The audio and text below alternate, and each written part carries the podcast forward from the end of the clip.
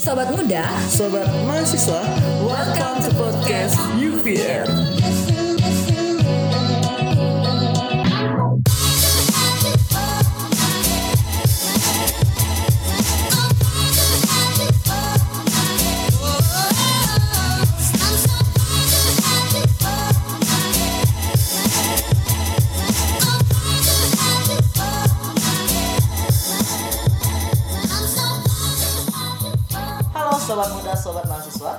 Kembali lagi di Untan Voice Radio Podcast. Episode keempat. Oke. Oke, eh, sebelum itu kita mau perkenalan dulu karena ini adalah podcast pertama kami. Iya. Iya. Benar sekali. Mm-mm. Oke, siapa dulu yang mau kenalan nih? Oh, silakan. Oke, perkenalkan nama aku Hafid. Aku mahasiswa program studi Ilmu Komunikasi. Baru sekali ngisi podcast di sini. Oke. Ya. Oh ya, selanjutnya? Dan kali ini Hafid tidak sendirian Ya. karena ditemani saya Bambang. Oke, mungkin suara saya sudah tidak asing lagi ya di telinga kalian. Oh ya, eh, Bambang, Bambang ini salah satu penyiar hits di Iya, Untan oke. Voice Radio. Iya. Kalau aku jujur ini baru pertama kali ngisi podcast Nah. dan eh, apa ya ber- berpartisipasi di Untan Voice Radio. Oke. Kalau Bambang sendiri kuliahnya di mana? Oke, saya juga sama. Saya sedang saat ini menempuh pendidikan di program studi Ilmu Komunikasi Universitas Tanjung Pura Pontianak. Oke, Oke. oke. eh, hari ini kita bakal cerita apa sih? Eh, eh sebelum cerita kita mau nanya dulu nih kesibukan masing-masing. Kan Hmm. ceritanya kenalan ya, betul Iya. nggak? Kalau Bambang sendiri kesibukannya akhir-akhir ini apa?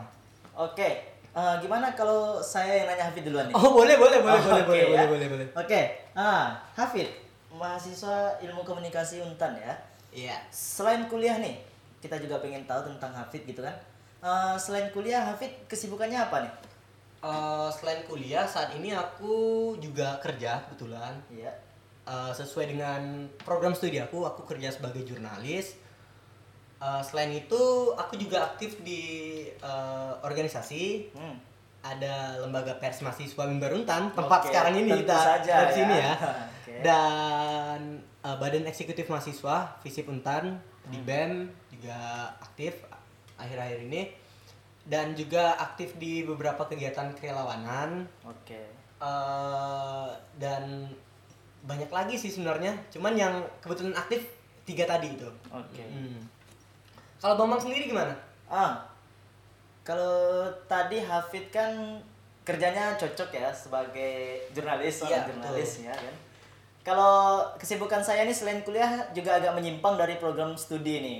kok menyimpang Iya, soalnya saya juga kerja tapi kerjanya cuma ya jadi kurir lah istilahnya seperti itu aja. oh begitu Tapi sama kayak eh, jurnalis ya jalan-jalan gitu kan. Iya, Kalau jurnalis jalan-jalan cari berita, ya kalau saya jalan-jalan nganterin barang. oh Oke. tapi kalau bisa kita bilang ya kita berdua ini sama-sama punya dua hal yang sama yaitu kita punya kesibukan Iya, tentu saja. Kesibukan. kesibukan ya.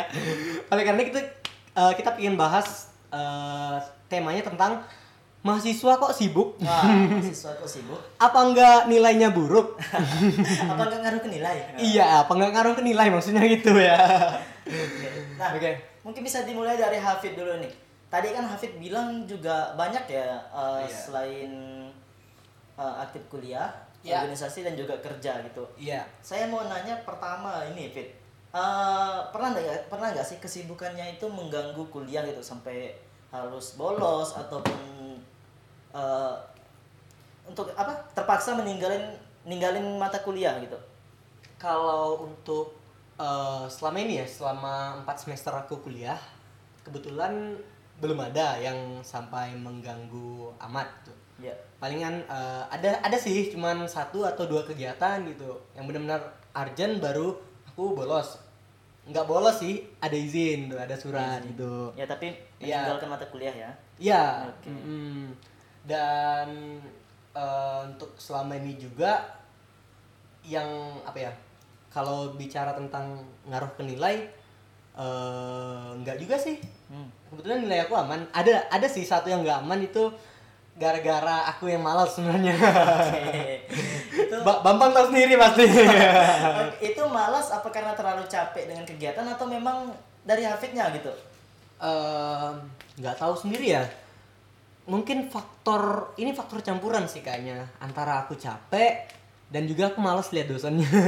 Oh. Tapi ini faktor lain ya. Mungkin Iya, uh, lebih banyak ke faktor capeknya gitu. Iya, tapi Capek, hmm. bukan pengaruh dari organisasi dan kegiatan tadi ya.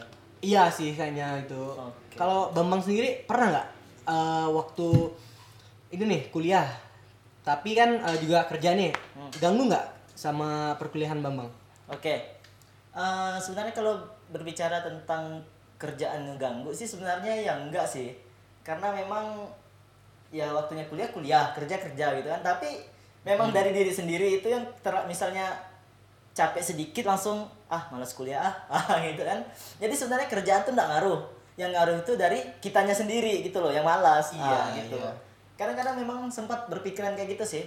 Kan pulangnya juga jauh malam gitu kan, pulangnya gara-gara eh, ada ngantarin barang ngantarin barang gitu kan terus mau bangunnya tuh malas Nah, jadi kan Hmm. sebenarnya bisa gitu kan kuliah pagi gitu kan nggak ngeganggu sama sekali cuma yang buat yang jadi penghalangnya itu ya diri sendiri kemalasan yang ada dalam diri sendiri gitu Iya. Ya tapi memang di mana-mana ya di kampus mana pun mahasiswa itu bisa sibuk ya karena memang mengikuti organisasi kayak Hmm, harus itu Iya betul kayak himpunan, terus eh, BEM, ada UKM UKM. Kalau nggak salah aku pernah dengar Bambang juga aktif di bengkel seni. Nah, Betul, iya. ya. Saya- kan betul kan? kebetulan juga aktif di bengkel seni Visip Poluntan kebetulan saya ya kuliah di Visip ya saya juga eh, salah satu anggota ya bisa dibilang aktif di Iya. kegiatan eh ya? aktif di UKM bengkel seni Visip Poluntan ini Kalau perkumpulan kayak daerah itu ada nggak Bambang ikutin? oh ada ada Apa itu? itu nama organisasinya Primaraya kebetulan saya dari Kuburaya jadi eh, Primaraya itu kepanjangannya itu Perhimpunan Mahasiswa Kuburaya Iya, di mana-mana sama ya mahasiswa ya. Aktifnya Iya. Kalau nggak di BEM, di UKM, palingan di himpunan di daerah himpunan gitu daerah, kan. ya di eksternal Mm-mm. di, di luar kampus gitu Iya gitu. Terus eh penting nggak sih ya sebenarnya kita untuk eh apa ya berorganisasi di tengah sibuknya kuliah gitu. Kita udah sibuk kuliah, cuman kita juga milih untuk berorganisasi. Sebenarnya penting nggak sih ya? Kalau menurut Bambang sendiri, opini Bambang itu gimana gitu? Kenapa Bambang memutuskan untuk eh, mengikuti organisasi juga, kerja juga, eh, dan yang kita tahu tugas kuliah juga banyak gitu. iya Kenapa? Nah, eh, pertama ya, kalau berbicara tentang penting atau enggaknya organisasi itu tergantung persepsi orang masing-masing sih sebenarnya. Iya sih ya. Nah, kalau dari sudut pandang saya sendiri, dari aku sendiri gitu kan, man- nge ngelihat kalau organisasi itu eh, sangat berpengaruh sih di dunia perkuliahan kita gitu kan.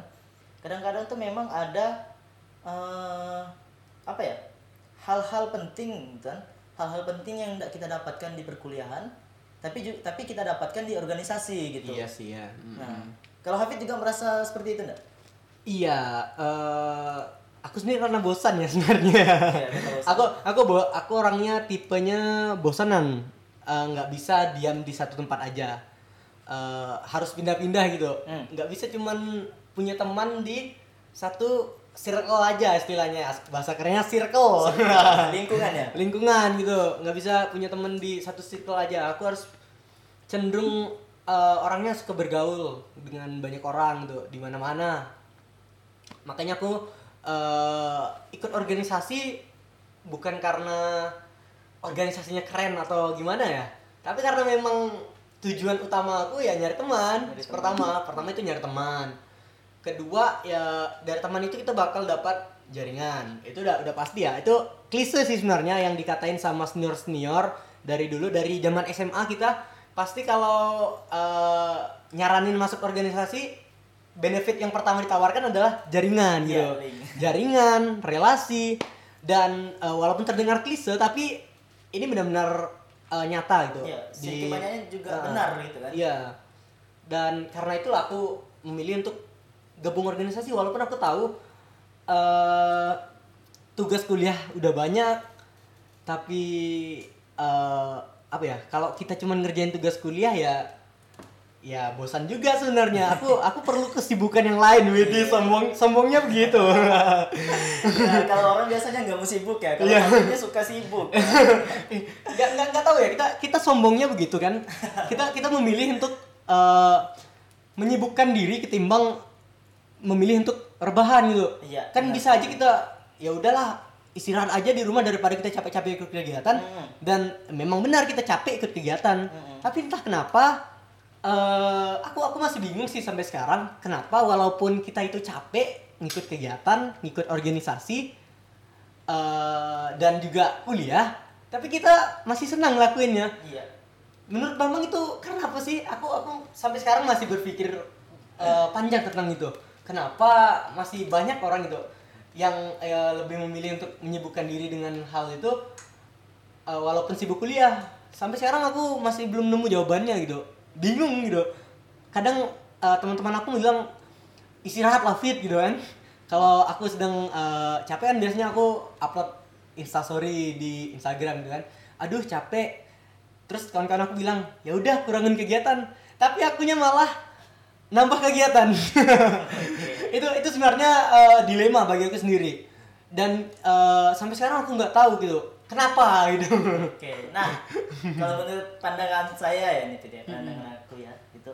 Karena gini Fit, kalau kita pulang kuliah terus langsung rebahan, langsung baring, itu eh rebahannya cuma rebahan tok, nggak ada capek, nggak ada rebahan karena capek, nggak ada kenikmatan gitu kan. Iya Tapi kalau kita kalau kita sibuk, sibuk seharian sibuk gitu kan. Terus kalau kita habis sibuk rebahan langsung tuh, itu bakalan lebih enak rebahannya. bakalan lebih istimewa lah istilahnya rasanya gitu kan lebih lebih enak gitu. Jadi kalau kita pulang kuliah langsung rebahan, itu kenikmatannya didapat tuh kurang gitu. Pit. oh gitu. Ah, kalau kalau ingat kata-kata Bambang tadi aku jadi ingat salah satu eh, peribahasa ya bersakit-sakit dahulu bersenang-senang kemudian Hmm. Hmm, itu kayaknya relate banget dengan Iya, iya, apa iya. yang dikatain Bambang tadi. Betul juga ya kalau kita uh, mau enak tiduran ya nunggu pegal dulu gitu. Nah, gitu. Karena kalau kalau udah pegal itu pengennya tidur aja.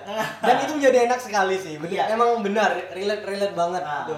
Asli. Mm-mm. Hmm, jadi buat kalian nih, buat kalian para pendengar, para sobat muda, sobat mahasiswa, kalau kalian merasa rebahan aja gitu kan, kalian harus coba kenikmatan yang lain.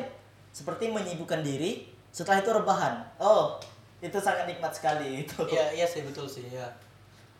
Ah, aku juga pernah nyoba sih eh, untuk ngurangin kegiatan-kegiatan aku.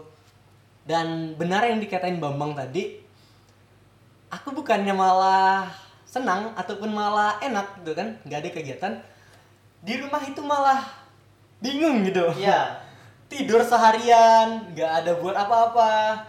Kayak hidup tuh serasa hampa, nggak ketemu siapa-siapa. Mm-mm. Mm-mm.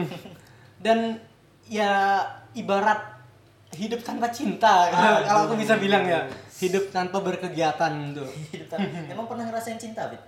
Ya enggak sih ya pernah lah bambang Pernah ya? pernah dong cinta cinta pertama kita adalah cinta dari orang tua Aduh.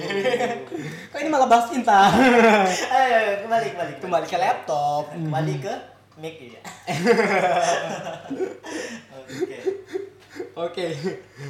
Eh, namun selain sibuk sih, eh, kita aku sendiri ya pribadi ya tetap menyempatkan waktu untuk sekedar ngopi-ngopi sih. Hmm. Ngopi eh, kalau di daerah kita di Universitas Tanjung Pura kita biasa ngopi di daerah reformasi gitu kan. Iya, itu sangat rekomend sekali ya buat mahasiswa Iya. selain murah juga ada beberapa tuh yang menawarkan kenikmatan. Iya, Ada betul. ke- beberapa tempat tuh kenikmatannya tuh masing-masing beda. Mm-mm. Menawarkan ya berbeda-beda gitu. Mm-mm.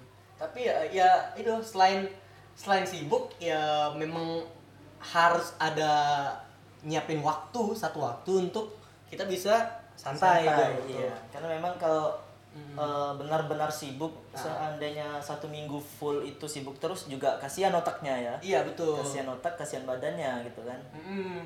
Jadi ya seenggaknya seminggu sekali lah gitu kan disempatkan untuk santai. Iya sih. Karena ya, ya aku aku mau cerita lagi nih. ya. Ah ya. Kalaupun kita ikut kegiatan terus menerus, oh ini aja nih Bambang ya. Iya. Kita Mungkin kita kita kita, break pause dulu. ya, kita Kita break. pause, kita Iya. selesaikan azan. Oke, ini udah selesai azan. Ya, kembali lagi ya bersama kita. kita lanjut lagi ya tadi tadi kita bahas eh, terkadang kalau kita kalau aku sendiri ya secara pribadi kalau sibuk terus-terusan atau ikut kegiatan terus aja nggak ada berhenti berhenti ya jenuh juga Iya, atau sekali. bosan gitu dan kalau aku pun juga rebahan aja terus-terusan di rumah nggak ada buat Itu lebih bosan. itu juga lebih bosan gitu kan Nah, karena Dan- memang semuanya itu ada kita ya wajar aja ya manusia kan pasti ada titik jenuhnya gitu kan. Iya sih ya. mm-mm. Nah, Dan tergantung kita lagi gimana eh, kita menghadapi titik jenuh itu. Apakah masih tetap ingin melanjutkan atau memutuskan untuk istirahat sementara gitu kan. iya dan eh, memang betul ya hidup itu harus seimbang tuh. Nah, benar sekali. Kalau kita ada waktunya kita sibuk, ada juga waktunya kita istirahat. Mm-mm. Karena kita bukan robot yang Ya. bisa terus-terusan bergerak dan eh, produktif terus-menerus. Kita juga ada masa apa ya? Capeknya. Masa capeknya. Iya. Kalau robot butuh bahan bakar, kita juga butuh. Mm-mm. Ah, butuh cinta. Kalau itu ya, Bang. Iya, iya, cinta. Cinta kan banyak macam, nggak cuma soal pacar, cinta. Yang paling Mm-mm. penting itu butuh tempat sandaran. Iya, maksudnya kursi, Dinding. dinding. nah, itu sobat, muda, sobat mahasiswa kalau nggak nemu dinding hubungi aja kami ya. Iya, iya, iya, tempat iya. sandaran gitu kan. ya bisa dihubungi di Instagram @hafidraffi. Dan at Rizky underscore Arif. Kok beda namanya? iya. Oh, cuma akun akun fake. Akun fake. Oke. Oke, lanjut. Oke lanjut ke mic ya kembali ke mic. Kembali ke mic. Oke. Oke, lagi nih ya. Soal kesibukan mahasiswa. Hmm. eh kita harus ya tadi ya kita harus memang seimbang antara sibuk dan juga antara eh, istirahat Ya. Mm-mm. ya gitu harus seimbang sekali. Nah, Ya. Hafid, eh, tadi kan kata Hafid lebih suka sibuk gitu kan daripada banyak santainya. Nah, hmm, hal apa pernah ada sih Hafid Hafid tuh sampai ke titik jenuhnya gitu, ke titik bosan di mana ben- benar-benar perlu istirahat gitu karena memang banyak terlalu banyak kesibukan gitu. Itu coba deh ceritain Fit. Eh, sering sih ya ngalamin titik jenuh kayak eh, aku mau satu, satu cerita deh kayak eh jenuhnya sendiri bukan karena frekuensi seringnya ikut kegiatan sebenarnya ya Ya. Tapi ada faktor-faktor tertentu juga. Eh misalnya ya aku cerita ya aku ngikut salah satu organisasi pariwisata itu. Dan memang karena aku juga jarang ketemu sebenarnya dengan mereka gitu kan. Hmm. Eh tetapi aku merasa bosan. Kok bisa bosan ya? Padahal jarang ketemu gitu kan. Hmm. dan usut punya usut ya memang akunya aja yang nggak cocok gitu dengan eh, gimana ya kita kita nggak bisa maksain eh, untuk bertahan di satu lingkungan tertentu gitu kan Hmm. ibaratnya eh, ada orang yang berhasil untuk adaptasi dan ada juga orang yang nggak berhasil untuk adaptasi misalnya kalau kita aja mau naik gunung gitu kan Hmm. ada orang yang eh, bisa bertahan di gunung selama berhari-hari tanpa merasakan hipotermia Ya. ada juga yang eh, baru beberapa waktu beberapa saat saja di gunung langsung kena hipotermia gitu kan. Dan itu menandakan bahwa ya memang manusia itu ada tempatnya masing-masing loh gitu. Hmm. nggak kita nggak bisa maksain untuk eh, bertahan di satu lingkungan tertentu aja gitu. Ada masanya kita bakal pindah ada masanya kita bakal bosan gitu seperti yang Bambang bi- bilang sendiri setiap manusia ditakdirkan untuk punya titik jenuhnya sendiri Iya. Mm-mm. pernah dan itu sering banget sih sebenarnya Ah. kalau udah capek sekali tuh eh kalau kata anak-anak gaul itu butuhnya me time Me time, ya benar. me time alias ya nyendiri menyendiri itu dan sebenarnya me time aku itu setiap hari sih enggak enggak enggak enggak Setiap hari. enggak Hmm. Antisosial nih sepertinya. Enggak lah Enggak ya? kan kan suka sibuk Oke oke. kalau bambang sendiri pernah nggak ngerasain titik jenuh gitu sampai eh, ibaratnya nggak mau gitu ketemu sama teman-teman atau ibaratnya pengen keluar aja gitu Mm-mm. Oke. Eh, kalau bicara tentang titik jenuh ya, sebenarnya sering sekali gitu kan merasa di titik jenuhnya itu kan. Tapi yang benar-benar ada titik jenuh dan benar-benar jatuh sekali gitu pernah sekali gitu kan. Pa- eh, karena gimana ya? Ya terlalu banyak tekanan sih kan, kan terlalu banyak tekanan. Ditambah lagi di lingkungan itu nggak ada yang ngedukung, nah gitu. Jadi Mm. mau ke mana pun tuh bingung ke sana salah ke sini salah. Jadi tuh ya benar-benar jatuh lah istilahnya itu. Benar-benar jenuh benar-benar eh, apa ya udah nggak ada lagi orang lain yang bisa diajak eh, diajak berbagi gitu. Pernah itu pernah pernah. Iya, ibaratnya kita eh, ditakdirkan untuk menemukan jalannya masing-masing gitu. Eh, ibarat kata kalau kita apa ya, kita mau naik gunung gitu kan, kalaupun kita bentar bentar bentar ganti analogi aja deh. Kalau kita nggak bisa berenang, ngapain kita maksain untuk berenang, Nah. gitu kan? iya ibaratnya kalau ikan eh, dipaksain untuk memanjat pohon ya nggak bakal bisa gitu kan Nggak bakalan bisa ya semua orang tuh punya tempatnya masing-masing dan kita bakal nemuin itu seiring proses pendewasaan kita Mm-mm. Mm-mm. betul nggak? Kok kok kok kok sok-sok serius gini ya? Serius ya kita nih oke. Oke. Oke kita ada 20 menit ngomong. Ini eh, ada batasan waktu nggak nih? Nggak ada sih. Ya, biasanya berapa nih Fit? Ya bebas aja sih. Bebas aja ya kita ya. Oke. Lanjut. mungkin 20 menit udah anu ya Fit ya? Iya, kayaknya bosan. nah, ah, s- kayaknya boleh aja kali ya kita tutup nih Fit. Tapi sebelum tutup nih Fit eh, Hafid punya pesan gak nih buat sobat muda sobat mahasiswa nih? Eh, kalau gimana sih cara Hafid tuh memanage waktu gitu kan?